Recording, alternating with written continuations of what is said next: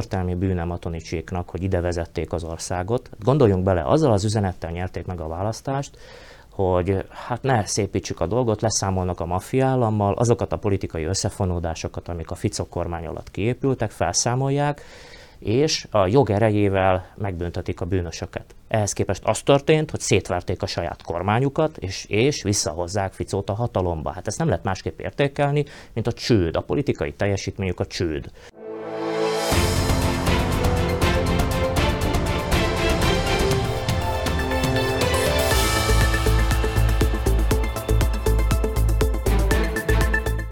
Üdvözlöm a Ma Hét Média Család Nagyító című műsorának mai nézőit, illetve vendégeinket, Kolleg Zsoltot, a Magyar Hét vezető szerkesztőjét, illetve Pomikal Krisztián vezetőt. Véget ért a nyár, kezdődik az ősz, ami ugye normális körülmények között azt jelenteni, hogy most kezdődik be, most kezdene beindulni a politikai közéleti nagyüzem, de hát a nyáron se volt szünet, úgyhogy folyamatosan megyünk akár nyugatra, Pozsony irányába, sajnos akár keletre, Ukrajna irányába nézünk, egyre inkább ugye fokozódik a helyzet. Kezdjük talán a, a könnyebbik dióval, Pozsonnyal, bár itt ugye talán csak az a biztos, hogy bizonytalanság van. Zsolt, te hogy látod a mostani belpolitikai helyzet, vagy a mondjuk ugye a parlamenten belüli helyzet, mennyire határozza meg, és meddig tarthat még itt Szlovákiában az, ami most történik? Az imént úgy fogalmaztál, hogy megyünk az őszbe. Hát ezt talán sokkal avatottabban leírta Adi Endre. Megyünk az őszbe, víjogva, sírva, kergetőzve, mint két héja madár. Hát leginkább Szulikra és Matovicsra igaz ez az állítás és ezt mondjuk már egy ideje, tulajdonképpen 2020 óta, a koalíció felállása óta. Hát most megtörtént az, amit már úgy lehetett jósolni, az SZSZ kilépett a koalícióból, de igazából csak is a bizonytalanság maradt utánuk. Két opció van, gondolom erről fogunk majd itt beszélgetni. Vajon kitart-e ez a kisebbségi kormányzás, vagy belátható időn belül előrehozott választásokra kerül sor? Szerintem most ez a politikai élet legfontosabb kérdés a Szlovákiában. A magam véleménye az, hogy a következő hónapokban még egészen biztosan a kisebbségi kormány velünk marad, és egy előrehozott választás legkorábbi időpontja az jövő őszre tehető. Ennek vannak technikai okai és politikai okai is. Azt gondolom, hogy viszont ha a kormány stabilitását kérdezzük, mert hogy ez is legalább ennyire fontos kérdés, akkor elmondható, hogy ha egy kormány, amely többségben kormányzott, mégpedig nem is kicsi többségben, alkotmányozó többségben, többségben és nem tudta üzemszerűen ellátni a kormányzati teendőit, nyilván a belső viták miatt, az vajon hogyan tudja majd ezt a stabilitást biztosítani, miközben kisebbségbe szorult, és még a külső körülményekről se feledkezzünk meg az energiaválságról, a szomszédunkban dúló háborúról, ami azt feltételezni, hogy a kormánynak azonnali és gyors válaszokat kellene adni a fenyegető krízisre.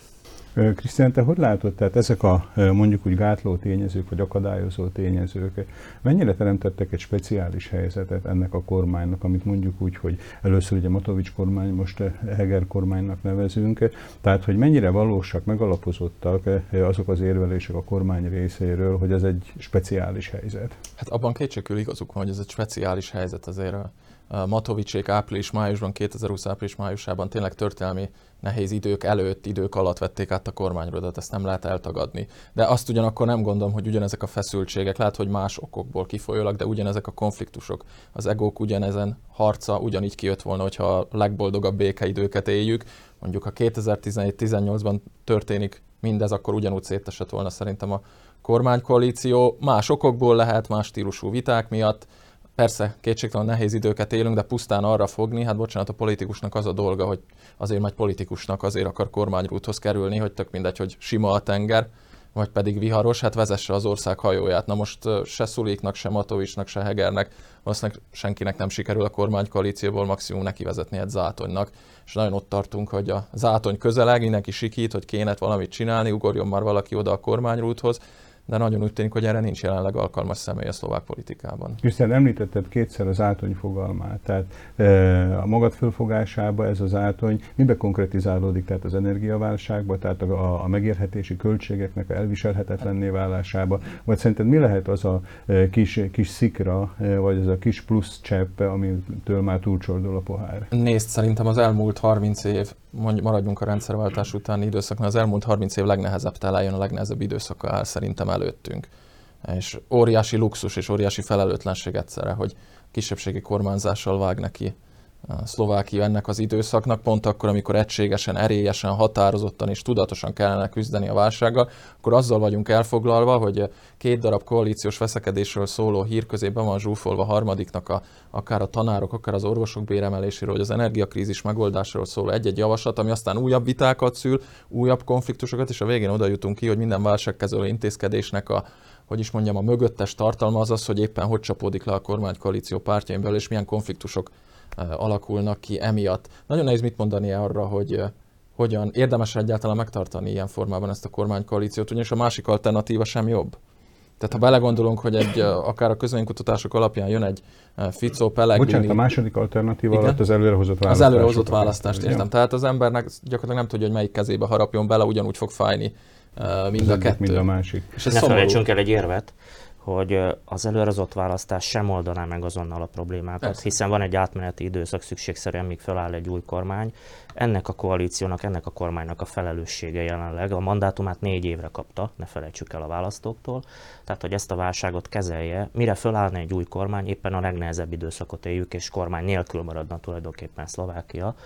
Tehát ilyen módon az előrehozott választás azonnali bonyolítása szerintem kivitelezhetetlen. Hosszabb távon viszont én is azt gondolom a stabilitás újrateremtése szempontjából mindenképpen meg kell kérdezni az embereket Szlovákiában, hiszen egy olyan nagyfokú társadalmi bizalmatlanságban kormányoz ez a koalíció, ami nem vezethet jóra. Ez ugyanis azt gondolom a demokrácia alapvető érve az, hogy támaszkodni kell a közbizalomra, ez a kormány elveszítette Tehát, a hogy legyen egy legitimáció, igen, egy legitimitás, ugye a választók igen, részéről. Igen, igen, igen. Tehát ugye mindig el lehet ezt mondani, a kormány legális, törvényszerű, de abban az értelemben elveszítette a legitimitását, hogy a választók bizalmát már nem élvezi. Természetesen a demokrácia gyakorlata az, hogy a ciklus végéig kapják megbizatásukat a kormányok, tehát nem, nem vitathatjuk el, hogy most kéne feloszlatni ilyen jogon a parlament. Bocsánat, csak, egy, csak egy megjegyzés, ez, amit a Zsolt mond, nagyon fontos, mert nem azért kellene most előrehozott választásokat tartani, mert a kormány elveszítette volna a legitimáciát a nép részre. Azt négy évre kapta meg, négy évente szokás megkérdezni a népet arról, hogy legitimálják az, a regnáló kormányt, vagy akár egy másikat. Nem ezzel van a gond, azzal van a gond, és szerintem amiatt lehet szükség, vagy lenne szükség előrehozott választásokra, hogy láthatóan ez a kormány képtelen kezelni az mögöttünk hagyott és az előttünk álló válságokat, kihívásokat. Láttuk, Mondjuk, mi történt. Sokak szerint. Sokak szerint. Én azt gondolom, hogy igen, ebben, ebben nagyjából, ebben, kell, igen, igen, ebben igen, nagyjából, nagyjából konszenzus van.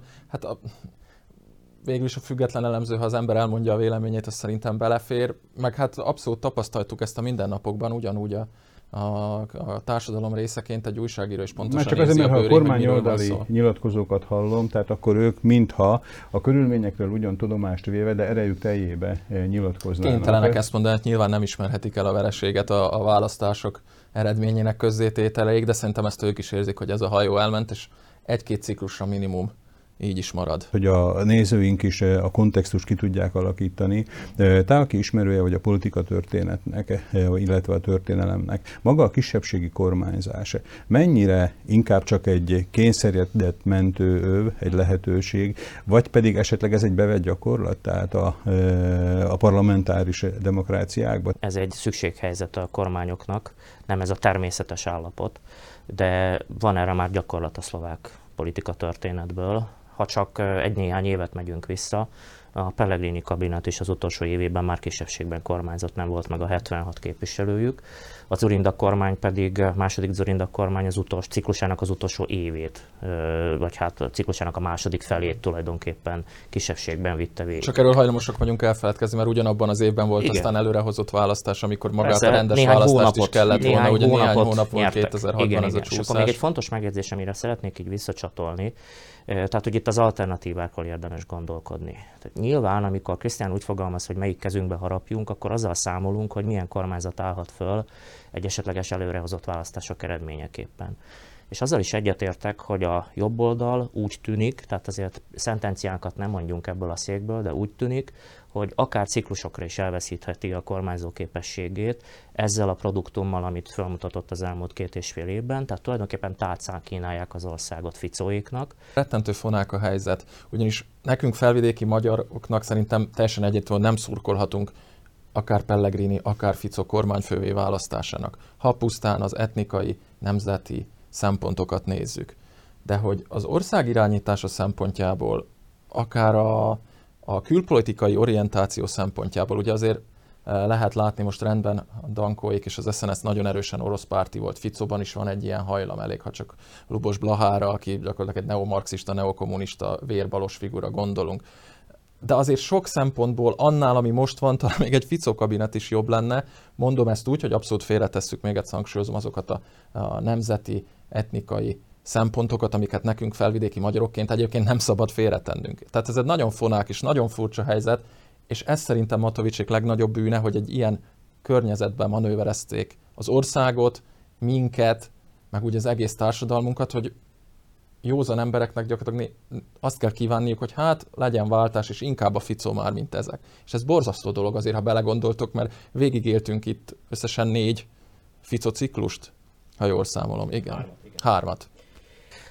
Hát azért talán ez a kijelentés, hogy jó Mondhatjuk emberek... a negyediknek a mostani, a negyedik, igen, igen, igen, mert igen, ugye annyira, annyira, annyira egy vert helyzetből lényegében két év alatt Fico visszadolgozta hát egy megsemmisült politikusként, pontosan, tehát a, és ebben azért elég nagy szerepe van a Mató. Azt gondolom, hogy azért a, a még ne prejudikáljuk a választások eredményét, még alakulhat egy Pellegrini vezette kormány, és a, a tendenciák egyértelműen azt igazolják, hogy Robert Fico egyértelműen vert helyzetben, hát gondoljunk bele, felbomlott a pártjuk, és az is kérdéses volt, hogy... ezt le kellett a... mondani a ciklus közepén. Van-e? Mind a legutóbbi kormányfő hát ide alatt. Szerep, Hálás szerep egyébként ellenzékben. Van-e visszaút a politika főutcájára? Ez volt a kérdés, és ez a kérdés ez megválaszolható. Igen. Szlovákiában jelenleg egy nagyfokú kiábrándultság van a jelenlegi koalícióból, és ez egyetértek, történelmi bűne Matonicséknak, hogy ide vezették az országot. Gondoljunk bele, azzal az üzenettel nyerték meg a választást, hogy hát ne szépítsük a dolgot, leszámolnak a maffia azokat a politikai összefonódásokat, amik a Fico kormány alatt kiépültek, felszámolják,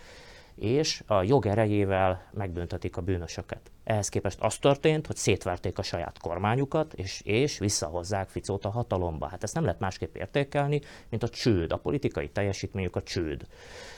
És ezt nekünk magyaroknak is a bőrünkön kell érezzük, hiszen azért el ne felejtsük, még egyszer csak utalni tudnék Malina Hedvig elleni boszorkányüldözésre, a szurkolóverésre Dunaszerdaján, Sólyom László köztársasági elnök úr visszafordítására, és azokra, azokra az évekre, amikor mi itt magyarok másodrendű állampolgárok voltunk. Nyilvánvaló, hogy a képletet azt teszi bonyolultabbá, és nagyon egyetértek Krisztiánnal, hogy a 2016 utáni ciklusban látványosan javult elsősorban Fico és Orbán közeli kapcsolatának köszönhetően a szlovák-magyar államközi kapcsolat. Azonban mi itt élünk, és a saját sorsunkért, életünkért vagyunk felelősek. Azt gondolom, hogy felvidéki magyar választóként egy rendkívül nehéz döntés előtt állunk. Ez a jobb oldal eljátszotta a bizalmunkat, akár abban a tekintetben is, hogy ez a jobboldali kormány bár sok ígéretet tett felénk, azok zömét nem valósította meg, és tudom, hogy vannak apró eredmények, amelyek megsüvelegendők, hiszen nem volt ott szervezett magyar képviselet a parlamentben, és mégis csemadok támogatásról beszélhetünk, mégis megvalósult a táblatörvény, ez megsüvegelendő, ellenben a kisebbségi kerettörvény nem valósult meg, Nagyszombat és Nyitra megyékben nem Tehát lett amit, hivatalos amit egy ember magyar. el tudott érni, ugye Gyimesi György személyébe, azt úgy néz ki, hogy volt, volt rá szándék, eh, lépés, eh, lehet, hogy nem százszázalék esetben. Én azt javaslom, hogy de amit, nyitjuk, de amit tagság, Azért, azért messzire vezető meg, téma. ember Így van, igen, ez az egyik dolog, a másik meg, hogy is, hasonló eredményekkel lehet mentegetni, akkor az általunk nem szeretett, legalábbis azt hiszem, hogy akkor csak a magam nevével fogalmazok, az általam nem szeretett négy éves vegyes párti kormányzást, hiszen ott is voltak azért eredmények. Érse Kárpát közlekedési vasúti... miniszterként vasúti kétnyelvűséget intézett. Már pedig, ha azt elismerjük, vagy a kisiskolák megmentését. Vagy a kisiskolák hát, megmentését. Hát azért, azért, azért, volt ott elég azért sok probléma párt, ezzel apparátus, a ami írja a zászlajára, hogy, hogy a kisebbséget képvisel, annak ugye azért más lehetőségei vannak, mind az egyénnek. De igazadóan Zsolt, talán ezt egy következő műsorba Igen. elemezzük majd. Tehát, hogyha jól értem a szavaitokat, ugye abba kicsenge, hogy megint az irodalomhoz térjünk akkor vissza, tehát az mind az ezópuszi mesébe, amikor a békák ugye megunják az űrzavart, amit az ön általuk választott ki király, talán egy fadarab jelent, amilyen semmiféle rendet nem tud tartani, és mégis visszasírják a gólyát, hogy akkor azért legalább rend volt Igen. a béka társadalomban. Ez szörnyű egyébként, egy kicsit a, a kádári nosztalgiával lehetne összehasonlítani ezt a furcsa állapotot, mikor a 90-es évek Magyarországán a gazdasági visszaesés és, és a gazdasági nehézségek miatt sokan visszasírták a 360-as élelmiszerárakat, meg a 10 forintos Azt vagy hiszem, egy forintos euróban ez már meg is valósul hamarosan. Igen, igen euró, euróban ott tartunk, hogy 360 lassan a kenyér. Szóval tényleg itt az egészet csak ab, abban lehet kihangsúlyozni, hogy azért itt történelmi esély elszalasztásának voltunk. Voltunk Személy, a személyes, elsősorban nézhettünk egy, egy történelmi esélynek a... e, És a történelmi kontextusban helyezzük, talán egy mondat még itt belefér, akkor az a tét, hogy mennyire tudjuk megőrizni azt az értéket, hogy sikeres volt a rendszerváltozás. És ebben igaza van Krisztiánnak, a 90-es évtizedben szerintem volt egy társadalmi közmegegyezés az űrzavar miatt, meg a gazdasági visszaesés miatt, amit kénytelenek voltunk megélni, hogy szerintem a többség visszasírta a 89 előtti világot, a biztonságot, a szociális kiszámíthatóságot. E, és utána azért voltak sikeres évtizedek, vagy volt egy bő sikeres évtized, legalábbis itt Szlovákiában. Bocsánat, Magyarországon ez ugye megcsúszott. Gondoljatok bele, egy, azért szerintem lehet vonni párhuzamot akár a mecsiári rendszer, akár a 8 év Fico kormányzás közé. 98-ban Zurindáéknak Igen. egy hasonlóan vegyes és színes koalícióval sikerült megoldania ezeket a problémákat. Oké, okay, a második helyzet ciklus volt. végére szétesett De- Nyilván a de koalíció sokkal nagyobb előrehozott választás, de sokkal nagyobb hatásokkal mint a dolgoztak, mostani és sokkal koalíció. sikeresebben. Azt a történelmi esélyt szerintem sikerült kihasználniuk. Mecsiárt végül is eltakarították a hatalomból. Szóval sokkal többet ugyanez nem sikerült. És a, Értem. erre reagálhatok. Itt nyilván a személyiségek szerepét ne felejtsük el. Ha Igor Matovicsot összehasonlítjuk ebben a tekintetben Mikulás Zurindával, akkor még azt Rájövünk, látjuk, hogy hogy a, összehasonlíthatatlan. Ebből a szempontból a habitus tekintetében látjuk a különbséget. Igor Matovics nem egy integrátor. Szlovák, a szlovák jobboldalnak volt szerintem egy történelmi esélye most, 2020-ban, hogy létrejöjjön egy olyan egységes jobboldali alakulat, ami hosszú ideig versenyképes, vagy legalábbis megőrzi ezt a kormányváltó pozíciót. Most azt látom, hogy ezt a kormánywáltó pozíciót veszítette el a, hát én azért így nevezném populista baloldal. Ők maguk lettek a kormánywáltók, saját kormányuk leváltói. Saját leváltása. ebben lettek a legügyesebbek, igen. A beszélgetésünket a tartalmán kívül ugye azért végigkísért, hogy olykor-olykor elmosolyogtunk, vagy megmosolyogtató történeteket mondtunk, ez viszont már nem jellemző a másik témánkra, az ukrajnai helyzetre, ugye az orosz agresszióra, ahol, ahol, ahol nem százalékokba és ugye nem mandátumokba mérik most a sikert vagy a sikertelenséget, hanem olykor emberi életekbe. Talán ebbe a helyzetbe a leg, eh, legutóbbi, eh, mondjuk úgy fundamentálisnak tűnő bejelentés az Putyin elnök eh, részleges, hát részlegesnek nevezett mozgósítású, mobilizációs bejelentése volt. Hogy látjátok ezt, hogy magán a, katonai és stratégiai kihasználhatóságán, effektusán kívül fog ez jelenteni bármiféle fodrozódást az orosz társadalmon belül is, mert most már nem a hivatásos katonákat viszik el harcolni, hanem a polgári lakosság egy részét. Krisztián, te hogy látod ezt? Nagyon nehéz innen az orosz társadalomról messze menő következtetéseket levonni. Próbálkozik ezzel a nyugati sajtó, a hazai liberális sajtóban is lehet arról olvasni, hogy hirtelen megugrott a Google orosz verziójában a, arra való rákeresés, hogy hogy lehet elhatni Oroszországot, akkor fogynak a repülőjegyek, ilyen szalagcímeket lehet olvasni, nem lehet eh, repülőjegyet kapni Moszkvából kifelé, eh, és akkor hasonló Putyin mindegyik nap megbukik, most már lassan hat hónapja várjuk, hogy a nép megdöntse Putyin hatalmát, és valahogy erre, erre nem kerül sor. Közvéleménykutatások alapján eh, nyilván ugyanígy egy kicsit talán elrugaszkodott ebbe belegondolni. Eh, Most volt egy interjú egy orosz közvéleménykutatóval, egy nyugati mainstream labban, aki azt mondta, hogy minden belső felmérésük, amit egyébként nem is publikálnak, ez egy eh, nyugaton élő orosz közvéleménykutató, akinek van egy cége Oroszországban, és az ott a munkatársai, 75-77 százalékos még mindig Putyin elnök támogatottsága. Mi itt szerintem egy nyugati szemüvegen át nézzük az orosz társadalmat, holott merőben, ha nem is merőben, de jócskán eltér a mi, pláne a nyugati társadalmaktól szerintem azt kijelenteni, hogy 300 ezer ember mozgósítása, most ennyiről van szó, ugye komolyabb társadalmi felzúdulást váltana ki, talán túlzás. Nyilván vannak lennének megfelelő körülmények, amely mellett ez megtörténik. De azt gondolom, hogy az orosz vezetés fog gondoskodni azokról a körülményekről is, amelyek mellett ez nem történik meg. Vagy nem Azzal történhet meg. Nem történhet meg. Azzal, hogy integrálják most Luganskot, eh, Donetsket, akár a Herszoni területet, akár Zaporozsia környékét az orosz föderációba, azzal tulajdonképpen Oroszország részévé teszik, sokkal könnyebben eladható lett egy orosz, eladható lesz egy Oroszországot ért csapás.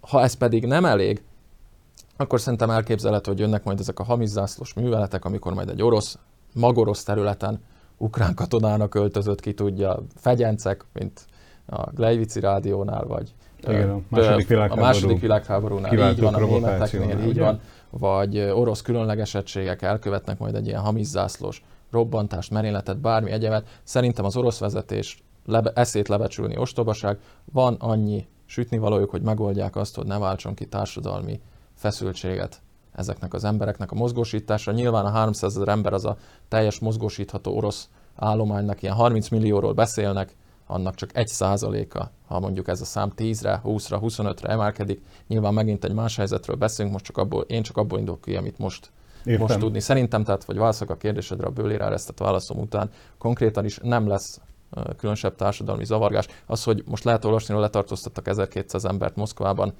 nyilván rengeteg, de Moszkva egy 10 millió fölötti város agglomerációval együtt elenyésző. Értem. Zsolt, kérlek, Krisztián említette a válaszában a mondjuk úgy elcsatolt területek, vagy visszacsatolásra váró területek, oroszá Bocsánat, a visszacsatolás az nem jó szó, mert hogy ez nem volt orosz. Nem volt orosz, igen, igen, igen. Hát Tehát, hogy, hogy, hogy, hogy oda csatolás, igen, igen. Tehát, hogy itt a putyini bejelentés, tehát a mozgósításról szóló bejelentés mellett mintha egy kicsit háttérbe szorulna azok az úgynevezett népszavazások, amely ezen területeknek a mondjuk úgy akkor a mostani csatlakozását jelentenék az Orosz Föderációhoz.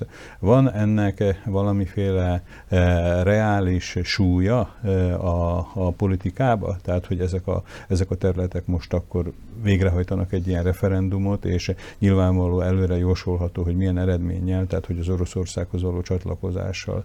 Tehát jelent ez, nem túl átlátszó ez a trükk, mint amit Krisztián ugye fölvázolt, hogy majd arra hivatkozva, hogy ezek már orosz területek, akkor Moszkva másképp tud föllépni?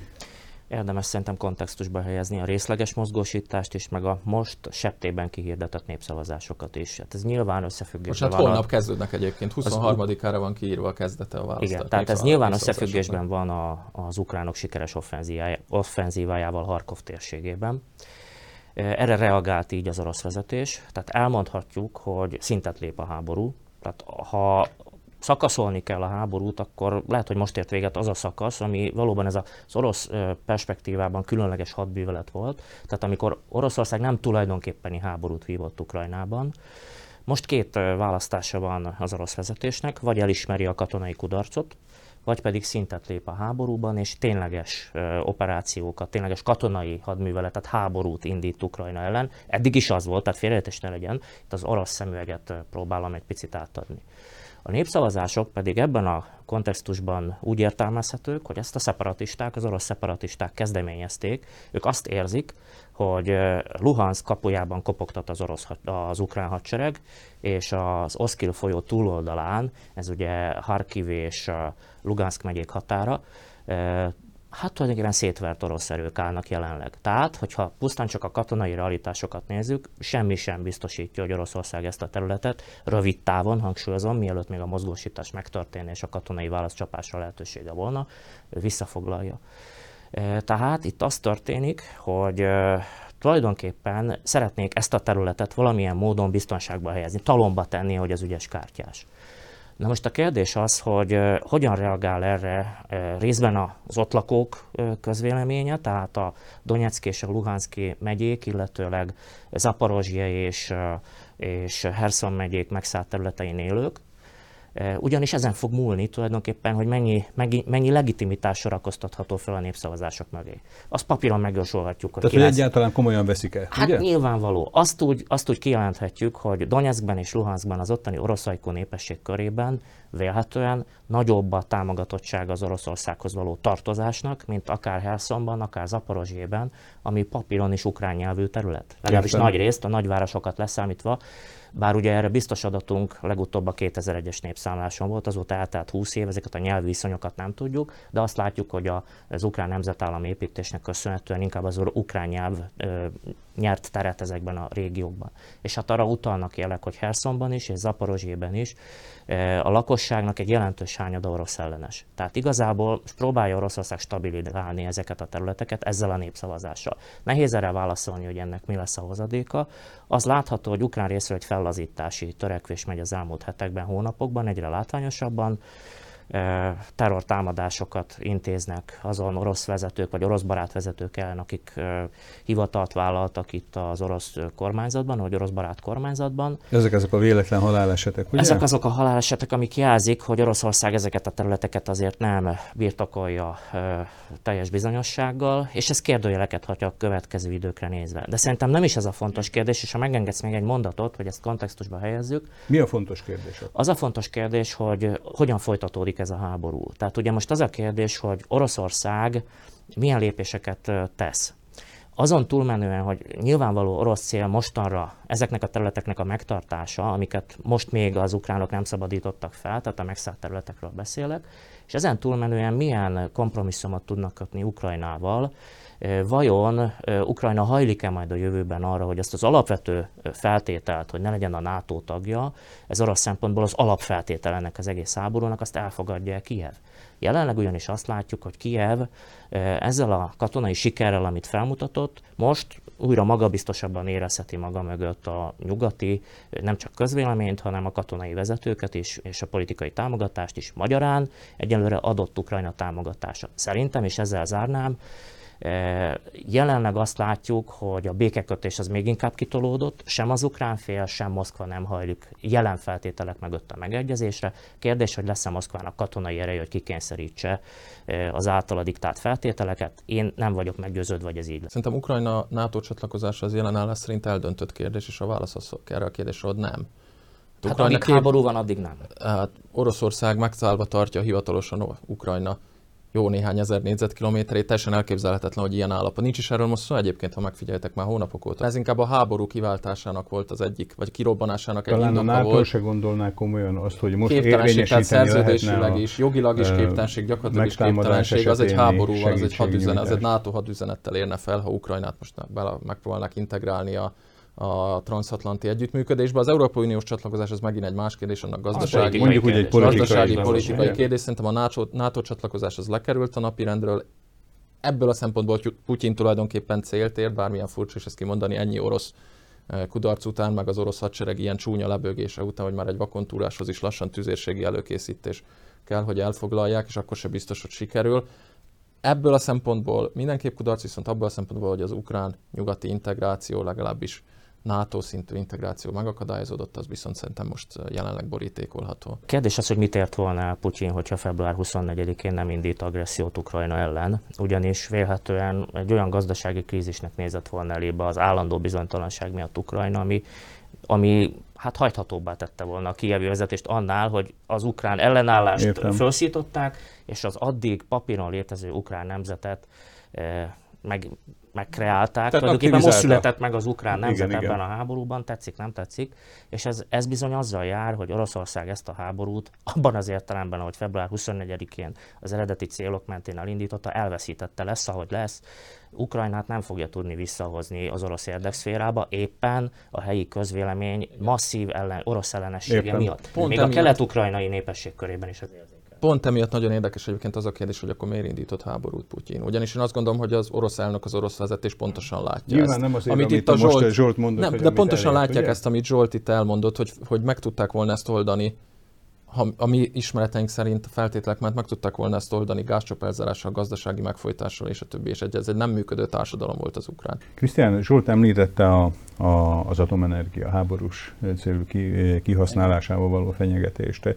Te akár a Magyar Hét heti lobba, akár a ma weboldalon többször és nagyon érthetően mindenféle, tehát többféle szempontból megközelítve bemutattad az atomdoktrínát, a nukleáris fegyvereknek taktikai, stratégiai kihasználásának esetleges lehetőségét. Mennyire marad meg ez a verbalitás szintjén, a fenyegetés szintjén, hogy amit te a cikkeidbe be is mutatsz, ugye, hogy az erőt fitoktatni kell, nem pedig használni, mert hogy akkor itt nem lesz győztese ennek a, az eseménynek. Viszont nagyon sokszor az írásaidban előfordul a taktikai atomfegyver használat, ami, ha jól értem, akkor nem egy átfogó nagy pusztítást végez, hanem, hanem egy mondjuk úgy egy lokálisabb hatást vált ki. Tehát, hogy látod ennek a realitását, nagyon halkan merem ezt csak megkérdezni, mert még csak rágondolni is rossz. Így van, abszolút, ez egy példátlan és precedens precedens nélküli dolog lenne. Két darab példát azért lehet mondani, 1945. augusztus az már annyira a múlt, Nagasaki és Hiroshima, hogy talán nem is ebből a szempontból nem is érdemes beszélni róla.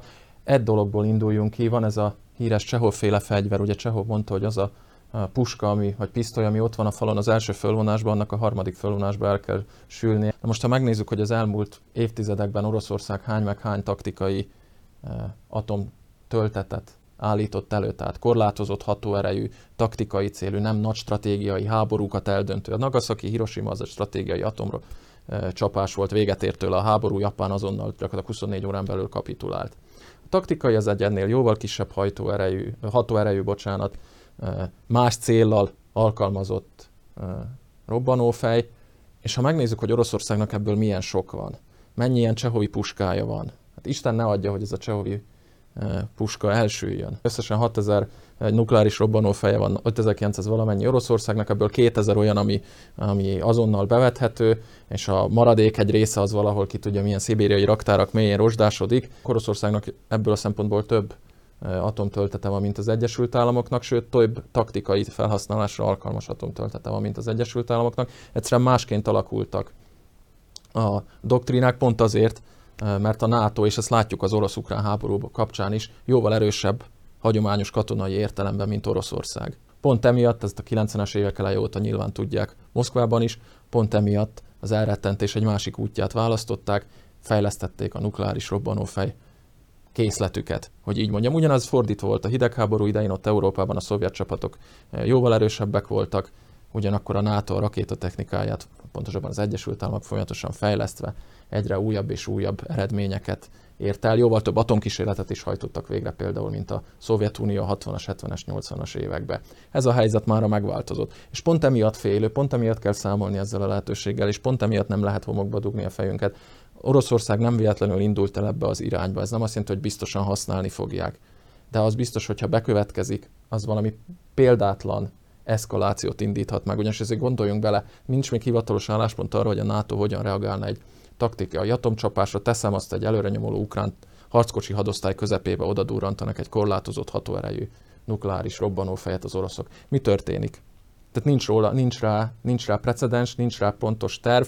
NATO hadgyakorlatokból lehet kiindulni, nyilván a NATO-nak is megvannak a maga korlátozott hatóerejű taktikai robbanófejei, rendben, akkor ők is visszalőnnek és aztán ennyi volt, akkor egy-egy, és abba marad? Nyilván nem, ez elképzelhetetlen. Tehát folyamatosan eszkálódnak, tehát innentől gyakorlatilag a taktikai atomfegyver bevetése az szinte boríték alatt van hozzá egy totális atomháború következményét. Hát azt hiszem, hogy közösen ne legyen igazam. nézőinkkel együtt mondhatjuk, hogy, hogy ez a fajta gyakorlatba való modellezése egy ilyen helyzetnek soha ne, soha ne kerüljön erre sor, hogy erre a kérdésre ne tudjunk választ. Tehát maradjunk életben, és maradjunk ne tudjuk, elmélet, a, és van, ne tudjuk, van, a, ne tudjuk a választ. Én köszönöm mai vendégeinknek, Kolák Zsoltnak és Pomikál Krisztiánnak, hogy ilyen érthetően elmagyarázták ugye az aktuális helyzetet, akár itt nálunk, akár a keleti határon túl, és köszönöm a nézőinknek, hogy velünk tartottak, tegyék ezt meg a következő adásainknál is, illetve a Magyar Hét, illetve a ma7.sk weboldalon ugyanezen témákról és sok más egyébbel is találkozva újból kapcsolatba kerülhetünk a viszontlátásra.